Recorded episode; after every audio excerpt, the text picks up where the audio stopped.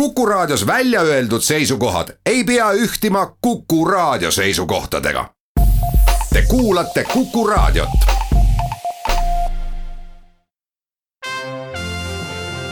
Tallinna Filharmoonia esitleb Filharmooniline huvitaja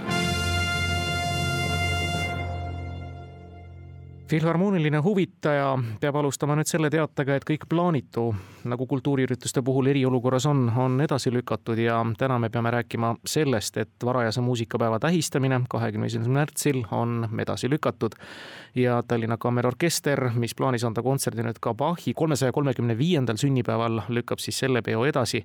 aga see ei takista meil rääkimast äh, esinema kutsutud ja aasta pärast kindlasti oma ilusaid vokaalseid võimeid näitava barokklaulja Maria Valdmaga, kellega on hea meel vestelda otse Hollandist. tere, Maria! tere! Maria, kuidas on Hollandis hetkel teil seal olukord, kas te saate harjutada, tööd teha, kuidas on nii-öelda ühiskonnakorraldus seal seatud? Hollandis on muusikutel olukord kriitiline, võib nii öelda kõik kontserdid on ära jäetud kas aprilli teise nädalani. eilsest suleti kohvikud ja restoranid nii et äh, sisuliselt saab praegu käia ainult apteegis ja toidupoes.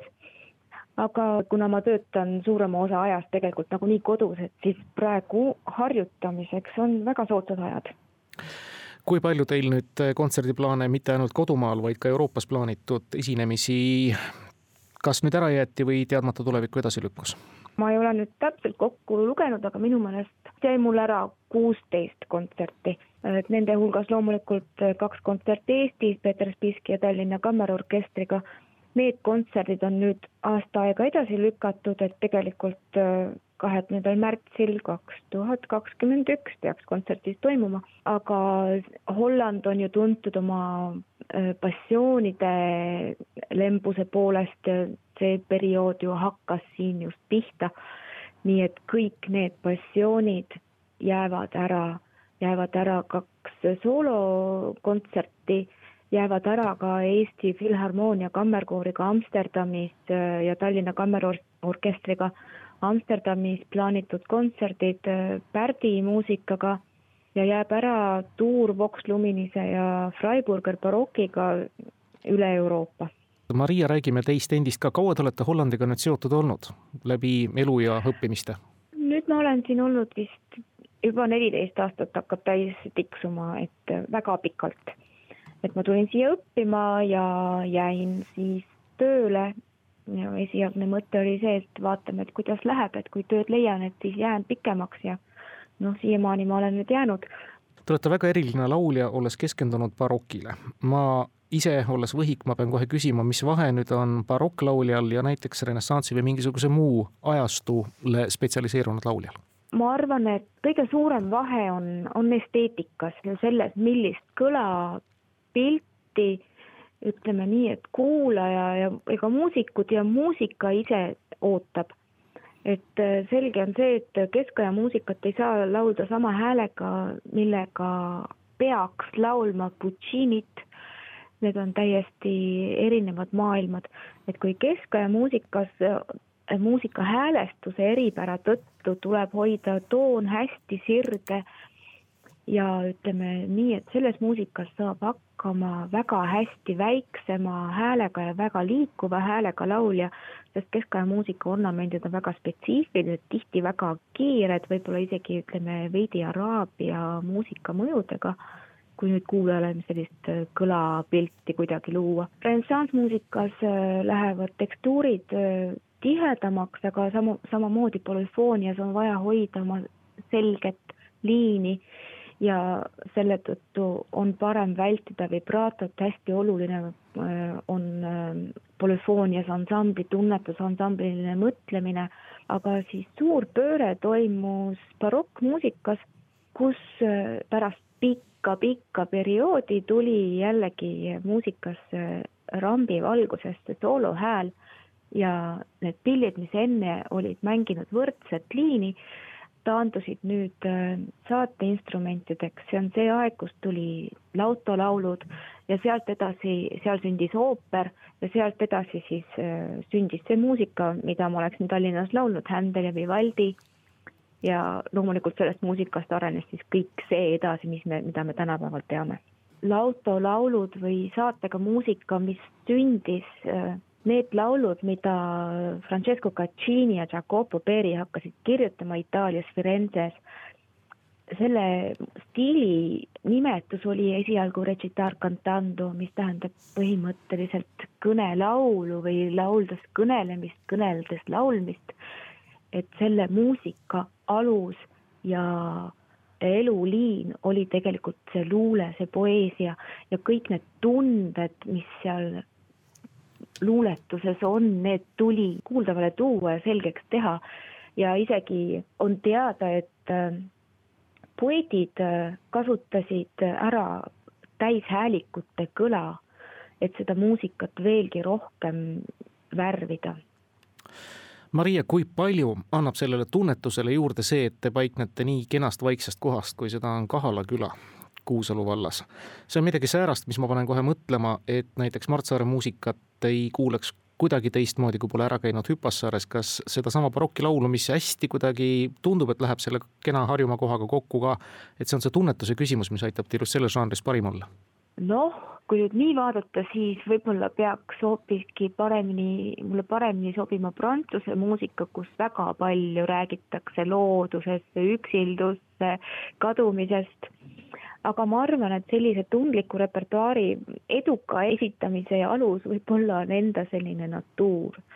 et noh, ma arvan, et see, et ma olen üles kasvanud nii vaikses ja kaunis isoleeritud kohas, et see andis tõuke võib-olla ütleme veidi veidi elavamale fantaasiale ja sellise analüütilise olemuse arenemiseks, et võib-olla võib nii öelda tegelikult jah, võib ikka leida seoseid oma päritolu ja siis edasise loomingulise tegevuse vahel. Teie tee on viinud teid siis edasi Tallinna Reaalkooli, ülikooli õppima eesti keelt ja kirjandust, Otsa kooli laulma ja ühel hetkel maabusitegi siis Haagis.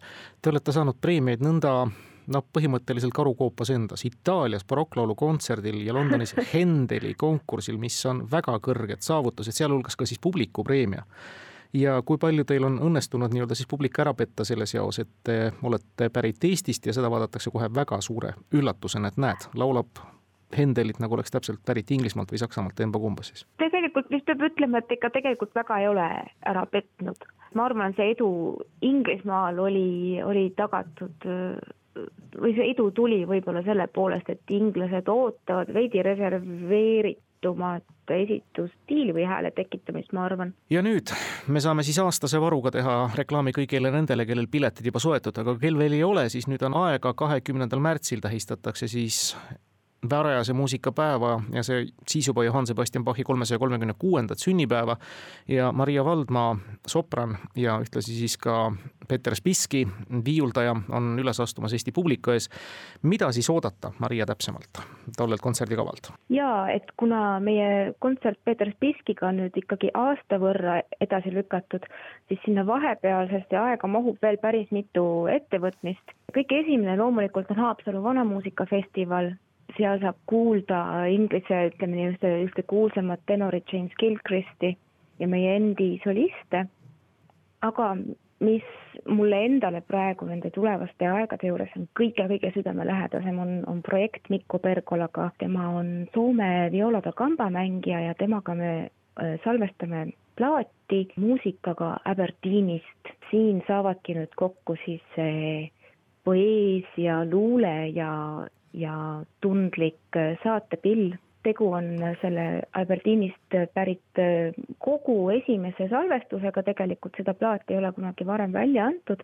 Ja see kogu on huvitav sellepärast, et seal saavad kokku muu inglise lautolaul ja Šoti enda laulud ja nad on seal raamatus kenasti koos ja saavad hakkama küll kahekesi kõrvuti. mis on veel huvitav, on see, et Floridante, kes on tavaliselt olnud vanamuusikapäeva eestvedaja Eestis, siis Floridante veab nüüd ühte pisikest konsordiprojekti koos Hollandi dirigent Lodewijk van der Reega ja see repertuaar kuulubki siis pigem renessansi aega, millest siin ka paar sõna rääkisin ja ma arvan, et see projekt on pildist praegu kaunis, kaunis uus, et, et me ootame seda põnevusega. kui see eriolukord nüüd kõik mööda saab, siis ma loodan küll, et õige varsti saab teid siis jällegi Eestist kuulda. me oleme väga teie poolt ja senimaani siis teie häält igatsedes kuulame siis seda, mida te senimaani olete laulnud ja loodame siis parimat. jõudu, jaksu, vastupidamist ja loodetavasti küll need esinemisuksed ja lavad teie jaoks ka avanevad.